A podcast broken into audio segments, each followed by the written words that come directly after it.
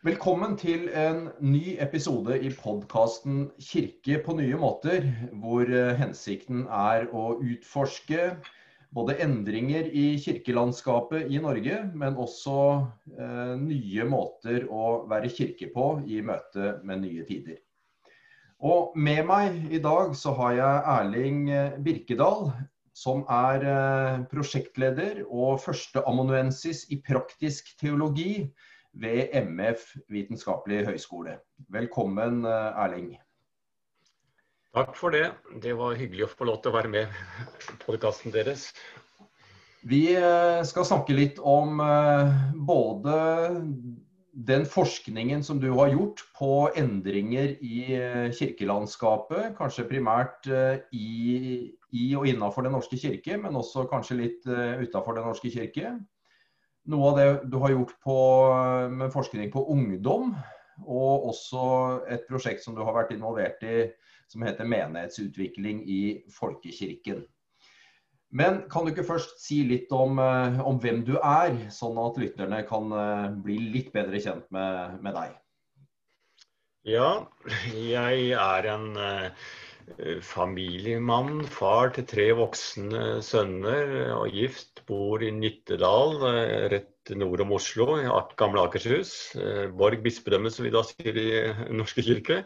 Eh, har vært engasjert i lokalkirkens arbeid der så lenge vi har bodd der i ca. 40 års tid. og har en lang periode som lokalpolitiker, og sånn engasjert i det samfunnet jeg er med i. Og samtidig så eh, er jeg da de siste ti årene blitt eh, det vi vil kalle kirkepolitiker, da, ved å være medlem i bispedømmerådet i Borg og Kirkemøtet. Eh, når det gjelder yrkesbakgrunn, så er vel veldig mange av mine år knyttet til IK, Kirkelig pedagogisk senter. Fra midt på 80-tallet og for en 12-13 år tilbake, da jeg begynte på MF, som jeg er nå. Mm. Og Det betyr at du har en, eh, vil jeg tro, en ganske sånn eh, si, både menighetsnær og praksisnær eh, innfallsvinkel til en del av den forskninga du har gjort, vil jeg tro? Ja, jeg har jo skoa på, for å si det sånn, og kjenner godt til eh, lokalkirkens virksomhet. Og eh, eh vært frivillig på alle måter, og vært leder av Kirkelig fellesråd, menighetsråd også igjen disse her høyere organene, på regionalt og nasjonalt nivå etter hvert. Men fortsetter jo å være aktiv lokalt, og har eh, også kjennskap til å få til å bygge en ny kirke, f.eks. Eh, I samarbeid med lokalpolitikere og en kirkestue på dugnad som vi har jobbet med, og en del sånne ting. Så jo da, jeg kjenner sagbyggen sagbuggen, for å si det sånn, da, i det lokale kirkeliv. Mm. Og Noe av det du har vært eh, opptatt av nå det siste, eh, har jeg lest bl.a. i Vårt Land og i diverse tidsskrift. Eh, det er jo forskning på endringer i kirkelandskapet. Og Hvis vi på en måte starter bredt ut, hva er på en måte hovedtrendene, og hva ser du fra, fra ditt ståsted? Ja, jeg legger merke til at kirke kirkene, eh, nå tenker jeg spesielt norske kirker, men også andre kirkesamfunn, blir jo påvirket av den samfunnskonteksten man er i. Og vi har jo et mye mer mangfoldig samfunn eh, med ikke bare flere religioner, men ulike kulturer. Og vi har det vi kaller et postmoderne samfunn som vi da tenker at folk eh, står mye friere, gjør sine egne valg eh, og ikke så autoritetstroe, men er mer autonome. Mm. Eh, og Det betyr jo at det er mye mer rom for initiativ, eh, både innenfor norske kirke og andre samfunn. Og det dannes jo mange menigheter, så jeg vil tro de siste generasjonen er det dannet eh, utrolig mange flere menigheter enn i tidligere generasjoner i den tusenårige historien, holdt jeg på å si. Når vi hadde norske kirker kirke som både en struktur eh, og en veldig få frikirker, med, sånn relativt sett. Eh, men, men, at det nå dukket opp mye skal vi si, også i randsonen til Norske kirke. Da. Eh, jeg har studert f.eks. på Nordmisjon, som er en rekmannsorganisasjon knyttet til Norske kirke, og de aller fleste er kirke, Norske kirkes medlemmer, som nå har en 40-50 egne menigheter som de kaller Nordkirken, eh, som blir nye navnet. Og Det er jo en helt ny trend de siste 10-20 årene i, i, i, Norge. da, Hvor det som har vært forsamlinger, eller foreninger, blir forsamlinger og blir menigheter. Mm. Uh, og så er det ikke minst uh, nye landsmenn, innvandrere, med masse migrantmenigheter uh, av ulik karakter. Og da blir jo minnet om at vi som er luthersk kirke, vi egentlig er en minoritet i verden. Selv om vi er majoritet i Norge. Mm. så det er selvfølgelig at de kommer til Den norske kirke. Og der vil vel dere, Metodistkirken og andre kirkesamfunn, merke like mye pågang, og ikke minst katolske kirke, har hatt veldig vekst de siste årene. Ja, Det var litt sånn overview uh, over det store landskapet da. Mm. Og disse menighetene som, eh, som, oppstår, da, eller som uh, plantes eller utvikles, eller hva vi skal si, uh, har de noen på en måte sånn fellestrekk? Går det an å snakke om det? Altså teologisk ja. eller eklesiologisk, eller hva det måtte være? Eller? Ja, nei, så det vil si at uh, man er veldig pragmatiske blitt i forhold til uh, tros- og dogmespørsmålene. Uh, det er veldig mye sosiologien vil jeg si, da, som må hjelpe oss til å forstå at det er fellesskapet, og i hvert fall de som da er i grenseland med Norske kirke, så merker de at det er ikke så veldig nøye med hvordan man, hvor man kommer fra, for så vidt. Men det er viktig at man har det bra sammen. Mm. Eh, og fellesskapet og eh, nærheten, relasjoner mellom mennesker. Og det er ofte, i hvert fall i den sammenheng jeg er da, det er yngre mennesker som vil det beste med sine barn. Mm. og vil ha et fellesskap som de skal få vokse opp. Eh, og eh, da er det det som overstyrer om du så å si skulle være enig eller uenig i teologiske spørsmål. Så, så det, er ikke, det, er ikke, bare det teologiske spenningen som vi har hatt i Den norske kirke og for de andre kirkesamfunn med likekjønnet ekteskap og sånn. Det er jo selvfølgelig også noen noe som ligger oppe i, i, i debatten, men, men, men, det er ikke hovedforklaringen for hvorfor det dannes så mye nye fellesskap og menigheter. Det vil vil ikke si. Eh, så økumenisk åpenhet, eh, pragmatisk eh, på, på lærespørsmål og fellesskap, det er liksom stikkordene der, tror jeg. Men er dette sånn Jeg håper å si, Du er, nevnte at du også er kirkepolitiker og medlem i Kirkemøtet. Er dette på noen måte et problem, en utfordring for Den norske kirke, som har forholdsvis etablerte strukturer som er til stede overalt? Eh, eller er dette en utvikling som på en måte vi ikke bare liksom tenker at er naturlig pga. de forholdene du sier nå, men som vi også bør eh, ønske velkommen, på en måte? Ja, altså det har jo to sider. dette her. Da. Det ene er at det er et problem ved at vi i Norske kirke er jo så rigide og har fortsatt faktisk ut etter kalenderår har en kirkelov som er ganske detaljert, som er bestemt i, i, i Stortinget. Nå får vi en ny rammelov som får gyldig fra nesten nyttår med større intern eh, fleksibilitet. Eh, men, men, men, det regelverket vi har er såpass eh, eh stramt, og også måten å forvalte penger på som har gjort meg litt frustrert, som ønsker kanskje litt større raushet og samarbeidsavtaler med disse eh, nye forsamlinger og type menigheter og innvandrere. Og bare å leie ut kirker og gjøre sånne avtaler, så på en måte er vi helt i starten av å åpne opp større fleksibilitet i Den norske kirke. Mm. Eh, så det er et dilemma. Eh, samtidig vil jeg si at det er jo en pluss på den måten at jeg tenker sånn at uh, vår visjon i Norske kirke som er mer himmel på jord, mm. altså hvor folk skal få følelse av at de får uh, fellesskap både med Gud og andre mennesker i et trosfellesskap eh, på ulike vis, at det er ulike uttrykk, ulike kan vi si, fromhetskulturer, ulike, ulike måter å uttrykke seg på. Og at det kan få flere kan si, arenaer da, som folk kan komme. Da vil de komme i kontakt med flere mennesker. Mm. Så jeg er den politikeren da, kaller det, som vil tenke raust og stort om det, og gjerne eh, heie på det. Samtidig som vi ønsker å ha en eh, relasjon til dette, så ikke det skal liksom bli at du må danne et nytt kirkesamfunn. Mm. Jeg syns vi har nok kirke- eller trossamfunn sånn juridisk sett i dette lille landet, tross alt, i Norge. Eh, så jeg og ser at Den norske kirke kan se seg selv som en kall det litt sånn storfamilie. Eh, og jeg har som sagt eh, småfamilier eh, og, og barn og barnebarn som ser at noen ganger er det viktig å være kjernefamilie, og noen ganger skal man være i storfamilie, men storfamilien må ikke ha alt felles. Men noen ganger skal man ha fellesskap, og dermed så må vi i en storfellesskap, og norske kirke også, ha litt sånn raushet. At man kan tenke litt mindre celler, mindre forsamling, uten at det skal virke truende. Mm. Eh, og at de andre som da må være i mindre fellesskap, må oppleve at de blir sett og bekreftet, anerkjent, og samtidig blir invitert inn i det store fellesskapet. Og det er naturlig. Mm. For da, for da, sier du også at, uh, at noe av det du ser, det er at disse fellesskapene faktisk når mennesker som kanskje mer etablert kirkeliv ikke når? Ja, jeg uh, har ikke noe statistikk på det, men jeg vet jo at uh, når jeg jobber med menigheter i Norske kirker, flere sognemenigheter, så er det jo store spørsmålet hvorfor er det, eller et av de store spørsmålene er hvorfor er noen blitt borte i gudstjenestefellesskapet vårt? Hvorfor er de ikke her lenger? Og så eh, oppdager man jo nei, de går et annet sted osv. Så, videre.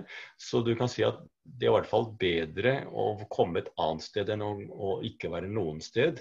Eh, og, og, det er noen som ikke er, er noen steder også.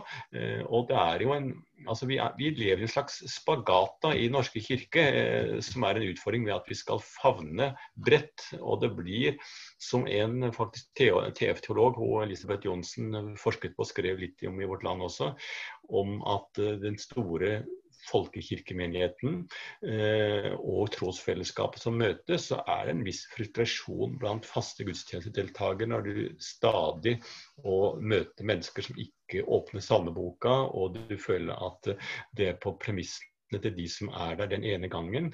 Eh, og vi ønsker alle velkommen, men hvis det blir bare det, så ser jeg at det er noen som trekker ut og, og, finner noe andre fellesskap.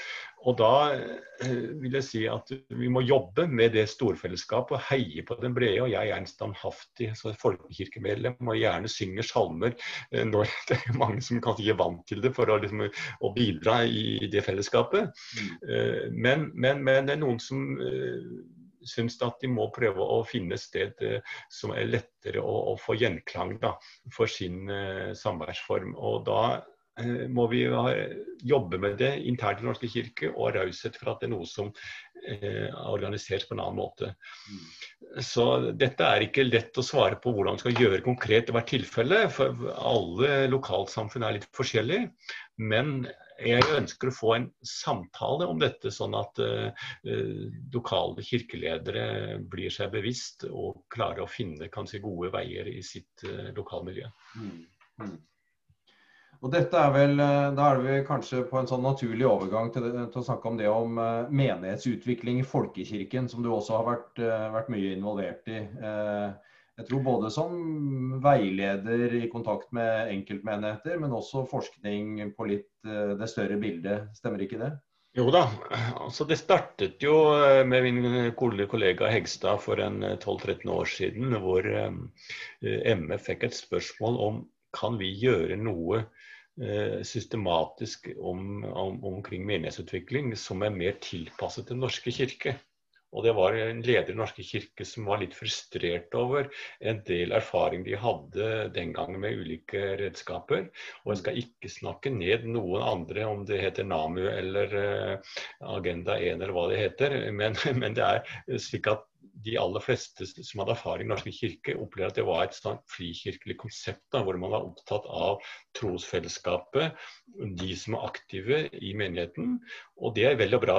Men når vi er Norske kirke, som har uh, veldig bredde med denne vi kaller livsløpskirke, hvor vi er veldig opptatt av at vi skal bekrefte gjennom ha dåpen uh, mest mulig med, vi skal ha konfirmasjon med veldig mange, vi har bryllup og begravelse osv. Så, videre. så da er det jo viktig at vi har en tenkning og en um, menighetsutviklingsprosess som tar hensyn til å ta på alvor for så vidt den konteksten vi lever i. Mm. Og da begynte jeg fra 2008 eh, her på MF og ble ansatt i et prosjekt som var finansiert av Kirkerådet de første tre årene. Og utvikle da et opplegg over en eh, to og et halvt til tre års eh, prosess med lokale menigheter. Mm. Som etter hvert fikk tre stikkord. Å utforske menigheten, utfordre menigheten og utvikle menigheten. Mm. Tre utord. Mm. utforske, utfordre og utvikle.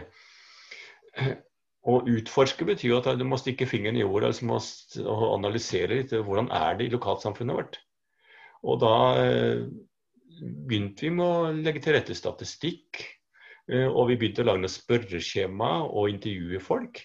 Ikke da de 30 mest aktive, men vi valgte f.eks. når vi skulle intervjue folk, at vi sa at minst halvparten skal være de som ikke vanlig går i gudstjeneste. Mm. Men kommer av og til til jul, konfirmasjon osv. Så, videre, så at de har litt erfaring med kirken. Hva tenker de, og, og hva er eh, erfaringene? Og ved en del sånne redskaper å utforske og analysere menigheten, så satte vi oss ned selvfølgelig, og hva sier jo folk her? Hvordan utfordrer dette materialet oss? Mm. Eh, og vi utfordrer hverandre, for vi tenker litt ulikt i en sånn lokal styringsgruppe. Og så på den bakgrunnen av en sånn en prosess, eh, så må vi selvfølgelig tenke jaha, hva gjør vi? Hva går veien videre? Og da er vi over i utviklingsfasen. Mm. Så dette har vært sånn, på en måte en prosess. Og jeg holdt på med dette i en ca. 60 menigheter i Norske kirke da, de siste eh, 10-12 årene. Ja. Mm. Og hva, hva, har dere lært av det, og jeg håper å si, hva har det ført til? ja, altså det, det, kan du si. Jeg har skrevet litt artikler om det. Men, men det er klart, det er ikke slik eh, hallelujarop med at her ble det plutselig 100% økning av gudstjenestedeltakelse på to år. Sånn er jo ikke livet. Men, men det vi ser det primært, det er jo at det skaper en Eh, klarere bevissthet, og vi gir et språk om hva det vil si å være menighet, som alle ansatte og frivillige, altså menighetsråd osv., mm. kan få et fellesskap om. Og de finner en plattform å snakke ut ifra om sin menighet, og får en trygghet i å ta på en måte sånne utfordringer videre eh, som vi, vi snakker om. Mm. Eh, og vi lager en plan eh, som gjerne har et sånn femårsperspektiv for hvordan utvikle videre. Eh, og jeg skulle gjerne forske med på å si hva blir nå til? For noen ender opp med å spisse at ja, vi skal prioritere da gudstjeneste. Eller noen skal prioritere noe med diakoniarbeid. Noen skal prioritere noe sang og kultur og litt så videre. Det er litt mm. forskjellig hva de finner ut. Dette blir vi utfordret på. Dette vil vi jobbe spesielt med. Så det, det er slik at vi har en, mer en tilretteleggende rolle eh, og kurs med ulike temaer vi har hver eneste halvår om eh, å være menighet. Mm. Eh, og da eh, må de gjøre sine egne valg, hvilken retning de vil gå. Så når folk spør meg hva vil jeg gjøre med menigheten, hva slags type menighet blir vi hvis vi er med på et sånt prosjekt, eh, så blir jeg litt svar skyldig, i betydningen at jeg egentlig sier at det er det vi skal finne ut av sammen med menigheten. Mm. Eh, og menigheten selv har har stort handlingsrom til det. Så jeg har ikke et program for det er idealmenigheten, men jeg har et program for at hvordan skal vi snakke om, og hva er det viktige temaet vi vil snakke om, og hjelpe til å få data til å snakke om det på en troverdig måte i sitt lokalmiljø. Det er en litt eh, konseptet. Og så kan vi selvfølgelig både holde foredrag og si ting og tang, eh, også fra MF og med ulike folk som jeg også samarbeider med, så det er ikke det som er vanskelig. Men å holde foredrag er det enkleste om å ha menighet. Det vanskelige er å finne en samarbeidskultur og finne en eh, tillit og forståelse lokalt når vi er ganske store, ganske store staber kan det være i menighetene, og menighetsråd som kommer med ulike oppfatninger. Mm. Så det i seg selv å finne den kan si, felles forståelsen og felles viljen til hvor vi skal gå, det er i seg selv et utviklingsprosjekt. Mm. Mm. Det er mest der jeg, i det rommet der jeg har vært. Ja, akkurat. Ja. Ja. Men da, da, går det an å si, høres ut som, at, eh, at det i hvert fall har ført til eh, si, bedre eh, refleksjoner internt i menigheten om hvordan man faktisk framstår som kirke. Og det høres ut som dere har jobba en del både i den der relasjonen mellom ansatte og frivillige f.eks. Spissing av aktiviteter, den type ting. Absolutt. Det hovedspørsmålet vi stiller, det er hva er menigheten kalt til å være, og hva er menigheten kalt til å gjøre mm. Eh, på vårt sted. Og kalt, det er jo eh, i teologisk forstått, i ytterste forstand Gud som kaller oss til å være menighet og forkynne Guds rike på jord osv. Mm. Men og, vi sier da kalt å være, det betyr altså ha noe identitet, hva det vil si å være menighet. Mm. Mm. Ikke bare å gjøre. For det er veldig fort når man snakker om utvikling, sånn, sånn at vi skal gjøre ting. Mm. Og vi skal ha aktivitetsmenighet. Men det er også noe med ja, kanskje vi skal la være å gjøre noe. Mm. For det gjør noe som egentlig ikke på en måte hjelper det til å være en god menighet på deres sted. Nå må dere kanskje sette dere ned og være litt rolig. Mm. og kanskje invitere fysisk sett til en retreat istedenfor å bare sette i gang et nytt tiltak. Mm. Som, som, får flere aktive. Mm. Eh, så, så det, det, er viktig å reflektere over. Eh, og på vårt sted er nettopp det kontekstuelle, altså at du må finne ut av hva er eh, utfordringen i vårt lokalsamfunn. Og da kommer også poenget i det vi snakket om til å begynne med her, nemlig ulike typer fellesskap. Altså Er det en Nordkirke, eller er det en metodistkirke, eller er det en pinsemenighet i lokalsamfunnet, så blir også spørsmålet hvordan kan vi sammen skape mer himmel på jord på dette stedet vi nå er, som vi kaller vårt sogn. Mm. Mm. Eh, den type samtaler vil vi også, også trekke inn da. Mm. Det er, jo, eh, det er, jo, spennende perspektiver. og Det er jo noe av det som man har understreka i England også med dette Fresh Expressions-opplegget. Hvor man på en måte inviterer menighetene inn i, inn i, samtaler om uh, hva betyr det for oss helt konkret å være sendt hit akkurat nå, i den konteksten, i den tida, med de ressursene vi har osv. Mm. Absolutt. absolutt. Eh, og vi har jo fått impulser selvfølgelig fra både engelsk og ikke minst også amerikansk opplegg rundt dette. Så, eh, men vi har valgt å, eh, selv om vi har både lest og vært på studietur her og der, så, så, har vi bestemt oss for at vi vil ikke oversette eller bruke et utenlandsk opplegg som har litt annen kontekst. Nettopp i respekt for det vi sier. At man må så finne sin vei ut fra den lokalkulturen. Og så er det litt metodiske ting her og der som vi mm. eh, henter og refererer til hvor vi tar det fra, men, men, men, men, det viktigste er nettopp å gi anerkjennelse også til den eh, skal vi si, gode arbeidet som er. Så, så jeg har noe jeg starter opp med, som jeg kaller eller Danskene hjalp meg å finne et godt uttrykk. Det er uh, gullgraving. Altså, eller skatt, skattene våre, finne skattene våre. Mm. Og så sette seg ned og så spørre f.eks. Uh, siste uka når du har vært i kirka, hva er det du satte pris på? Hva er det egentlig som var en god erfaring? Hva er det som på en måte, du syns var veldig kjekt? Og så kanskje du vil gjerne fortelle til din nabo hvis du fikk anledning, eller til dine kjente. Og så få opp da de positive tingene. Og så sier vi jo, her er noen skatter. Nå skal du pusse støv av disse skattene. Og så skal vi liksom stille dem frem, ikke gjemme dem i kiste, gjemme dem bort, men kanskje stille dem opp på hylla. Og så spørre hvordan kan flere få del i disse skattene. Mm. Og er det flere skatter som vi kan på en måte hjelpe hverandre til å pusse støv av og få frem? Og så Begynn sånn i den positive siden, og ikke bare tenke hva er vi dårlige på? Mm. Eh, og bare få det utenfra-blikket. Eh, at noen av oss kommer og spør. Og vi bruker også å ha en mentor med i alle disse prosessene. ikke sant? I tillegg til sånne halvårlige samlinger, eh, så har vi en mentor som kommer et, i tillegg til en gang hvert halvår i alle fall, for å snakke litt mer med den interne gruppa, mm. styringsgruppa.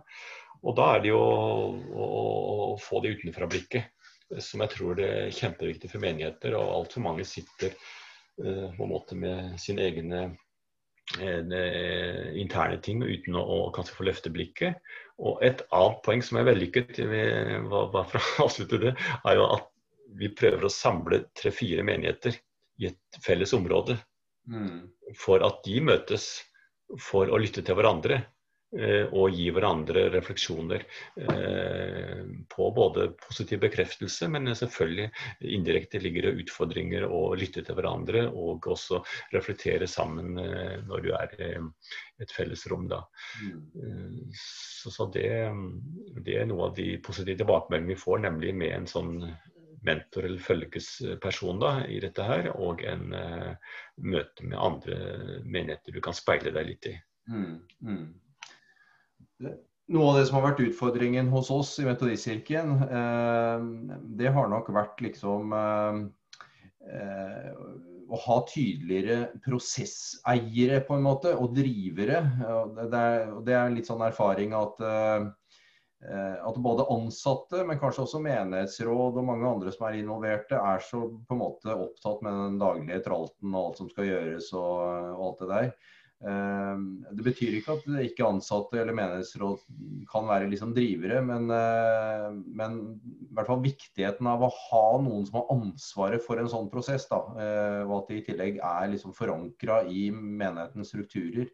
Er, er, det noe dere har liksom kjent på hos dere også? At uh, dere må på en måte ha en viss uh, si, oppslutning, entusiasme og sånn fra sentrale folk i menigheten for at dette skal være mulig å gjennomføre?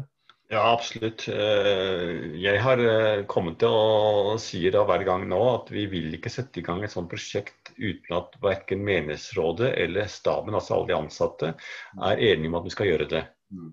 Mm. Eh, det er ikke sånn at alle er like begeistra eller like sånn heier på det, men jeg har erfaring med at det f.eks. har vært en enkeltperson som har trumfet igjennom, og sånn etter et halvt år så merker du at det var egentlig den personen som ville, de andre egentlig ville ikke, men de tør ikke si nei. Mm. Og så slutta vedkommende i en ny jobb. Alt falt i sammen. Mm. Eh, sånt skjer. Eh, og Derfor forankring er viktig. og Derfor har jeg begynt med det jeg kaller Move 0. Altså Move forkortelse for meningsutvikling. Og så har vi liksom 1, 2, 3, 4, 5 sånne samlinger i halvår. Men så kaller det Move 0.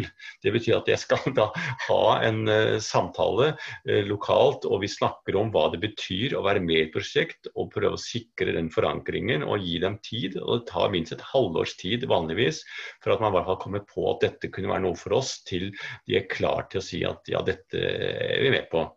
Eller man kan også si at nei, nå venter vi litt, vi skjønte ikke helt hva det var.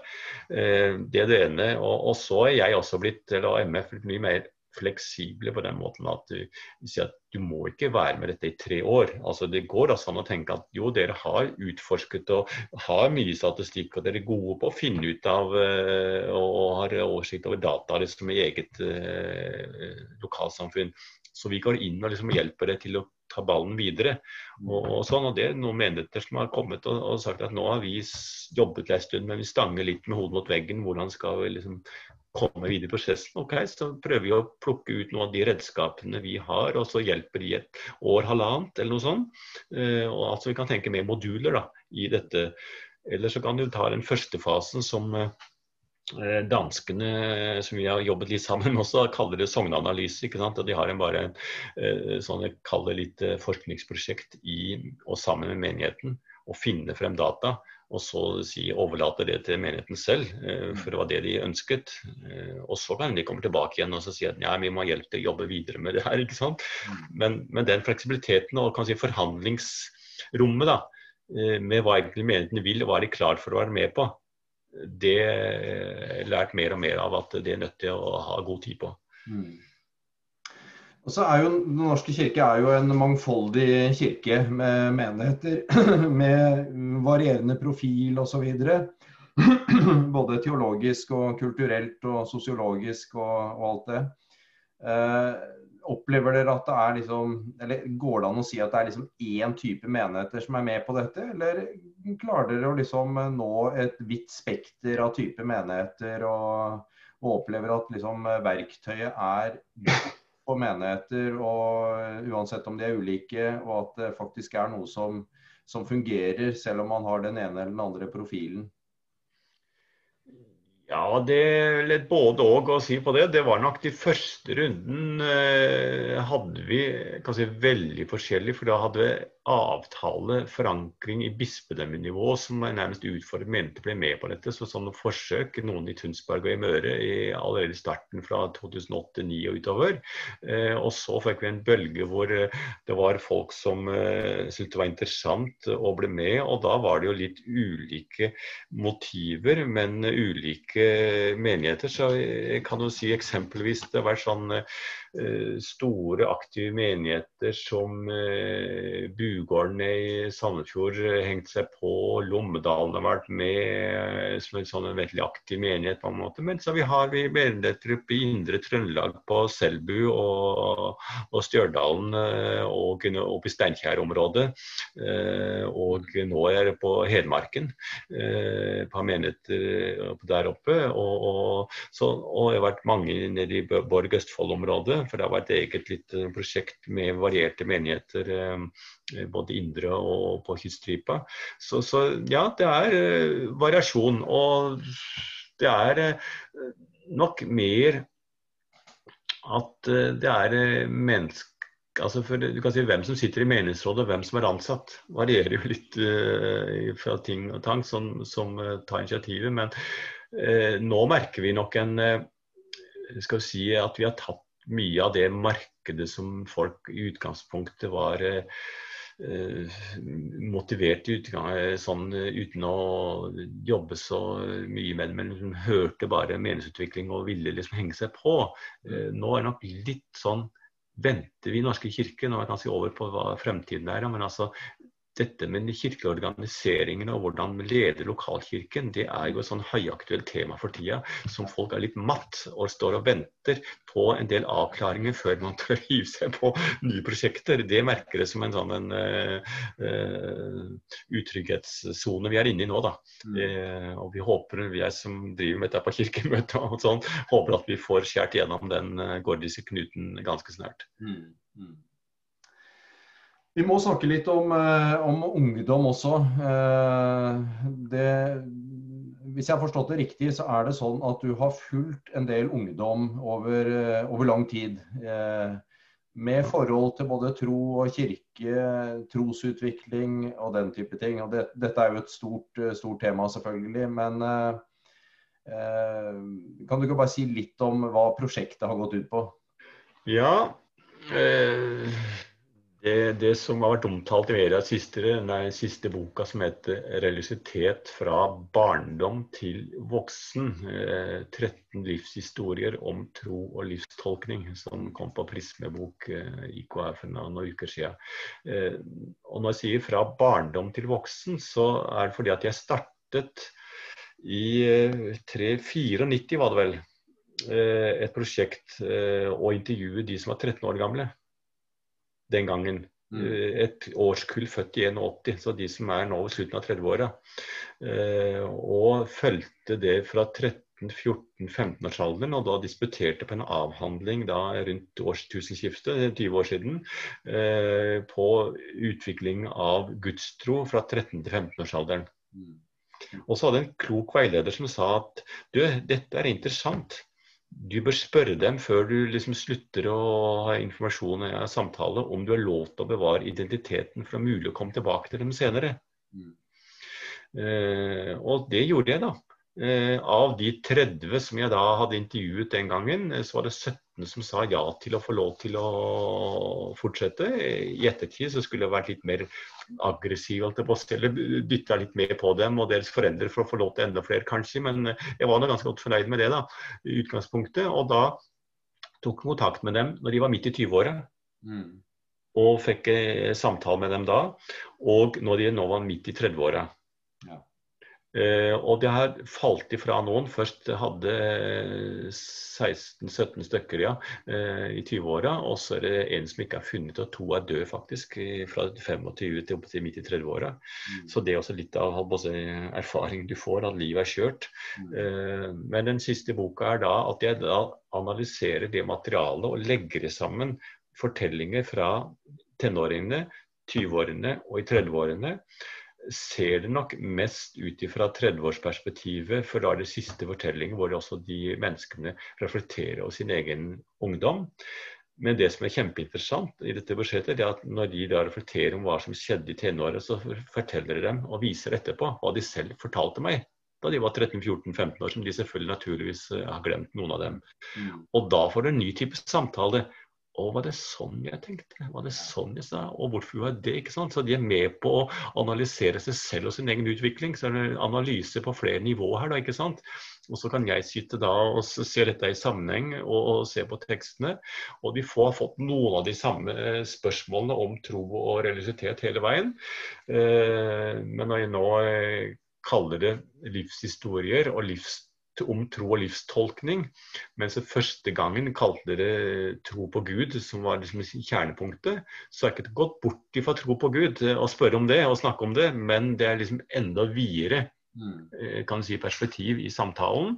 Og fordi at eh, det er et relativt bredt spekter også av eh, personer vi snakker med.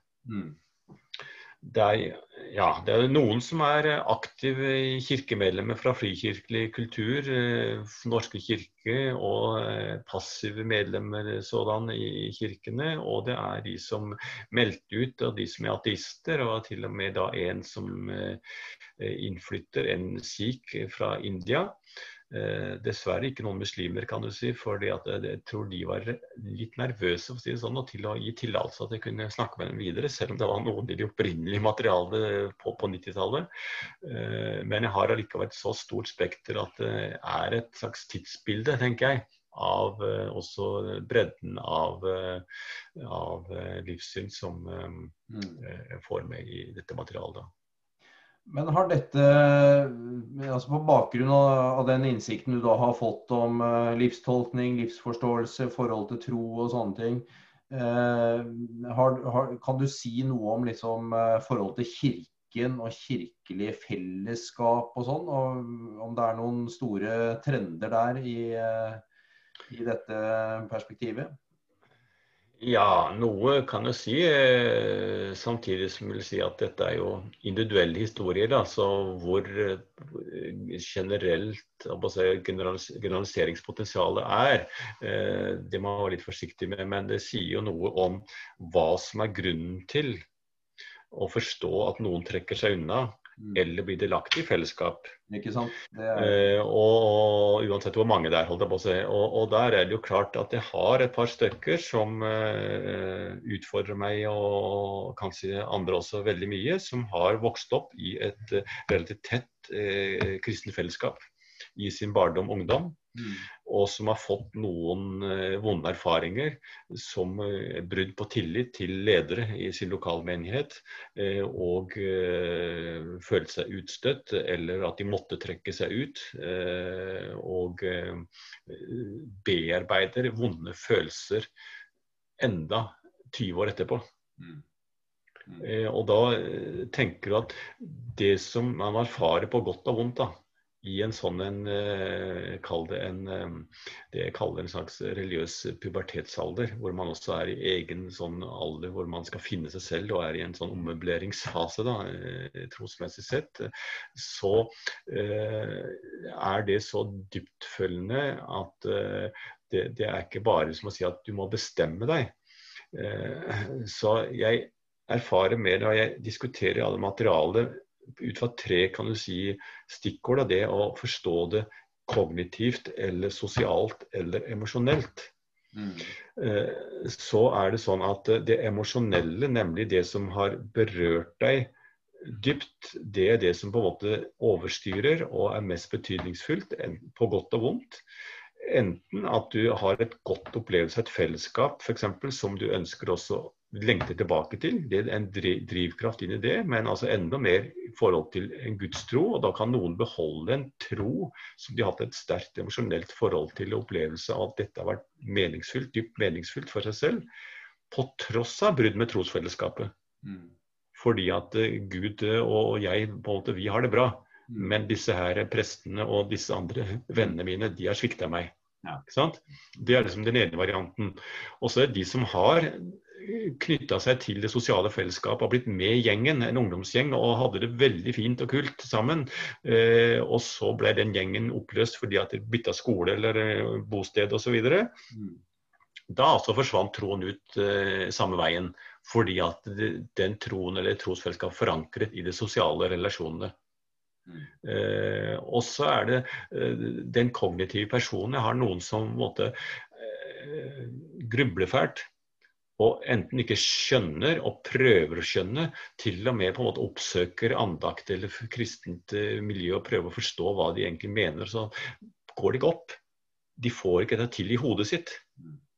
Og da uh, har de ikke fått en gode, det jeg vil kalle det, enten gode samtalepartner, eller, eller ikke fått forankring i andre si, strenger i sitt liv da, som gjør at det på en måte blir en, en, en um, trygghet i den troen for dem. Og, og, da sier en til meg at ja, jeg, jeg er åpen for alt, jeg, men jeg må nok kalle meg ateist, for jeg har liksom ikke erfart noe, og har ikke, Gud har ikke vist seg for meg. Altså Det blir liksom den type sånn nøktern, kaldt, kjølig liksom resonnement. da. Mm. Eh, mens det er noen som både sier at eh, jeg har studert eh, naturfag og jeg har naturvitenskapelige folk som er mine nærmeste venner og syns jeg er en tulling eh, med min tro. Men den betyr så mye for meg, så det betyr ingenting. Jeg synes det bare fint, og jeg ler av disse ateistene. Og jeg har det fint med Gud. Og jeg og min mann, og, vi går ikke i kirka, men altså gudstroen har vi. Mm. Altså, det, så det er ikke noe én-til-én-forhold mellom trosfellesskap, egen tro eller si, forståelse av tro. Så her er det litt kan si, Menneskene det får mer respekt for at mennesker har litt ulike skal si, eh, strenger eller kan si ulike pilarer de så å si står på eh, for å enten få etablert en tro eller vedlikeholde tro.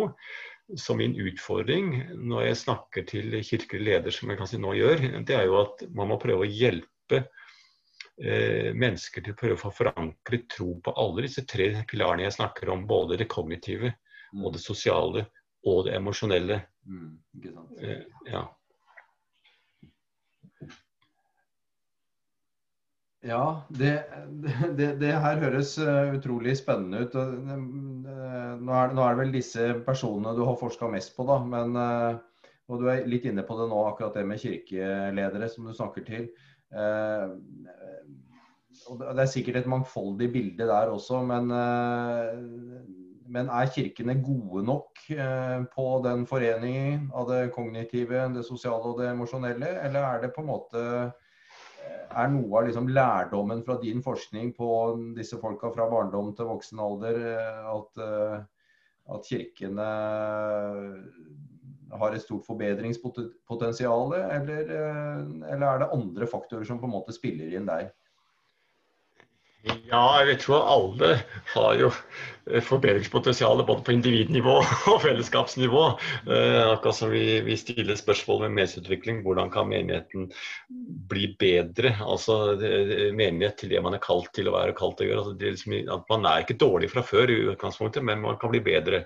Eh, og, og jeg har gjerne brukt tre sånne eh, R-ord. Eh, litt sånn pedagog i hodet. Hvis man bruker finne noen sånne ord som du husker da, eh, når du skal utfordre hva man må passe på eh, i menighetene, og hva kan man bli bedre på. Og Da tenker jeg at du må passe på at du skal oppleves relevant. Mm. At du skal føle at det du snakker om, det gjelder mitt liv. Det gjelder de unge. Det gjelder de mennesker du snakker med. så det ikke er en annen verden. Mm. Og du skal jobbe med å skape en relasjon. Mm. Også du skal uh, bli kjent med mennesket og føle at du bryr deg om mennesket. Og du skal føle at uh, det er en, en, noe vi kan uh, ha sammen om. Altså det er fellesskapstanken. da. Mm. Men så er det også det tredje R-ordet, som jeg kaller refleksjon. Og da er jeg gjerne over på det der kognitive snakket om. Du må hjelpe folk til å forstå tro i sin tid og hjelpe til å ta de motforestillingene som er. Og for noen som, i hvert fall de merker i tenårene oppover, så er det klart tro, tvil, naturvitenskap og tro liksom det krøsjer. Og for noen er dette en kjempedilemma å kaste troen ut. Eh, og, og da får man ikke samtalepartner og for en dialogpartner som hjelper til å, å, å, løse det. Men igjen, her er folk litt forskjellige og forskjellige behov, avhengig av forskjellig på en måte eh, kontekst og, og, kunnskap man måtte ha og utfordringer man får av andre. Så det er jo å tenke disse tre r-ene, relevant, relasjon og refleksjon, i litt eh, sammenvendt eh, på eh, blanding, da, men litt ulike tider. Og jeg eh, har jo også en utfordring til da, til disse som driver eh, både med ungdom og konfirmanter og, og, og, sånn. Når man underviser, så blir vi veldig opptatt og tror at de er ungdommer eller mennesker er like eh, og tenker nesten likt fordi de er samme alder. Mm. Mm. Hele skolen vet du, er basert på sånn aldersinndeling. Men det som slår meg, at når tid døde bestefaren din, når tid på en måte var mora di syk, eller var den, eller har det ikke?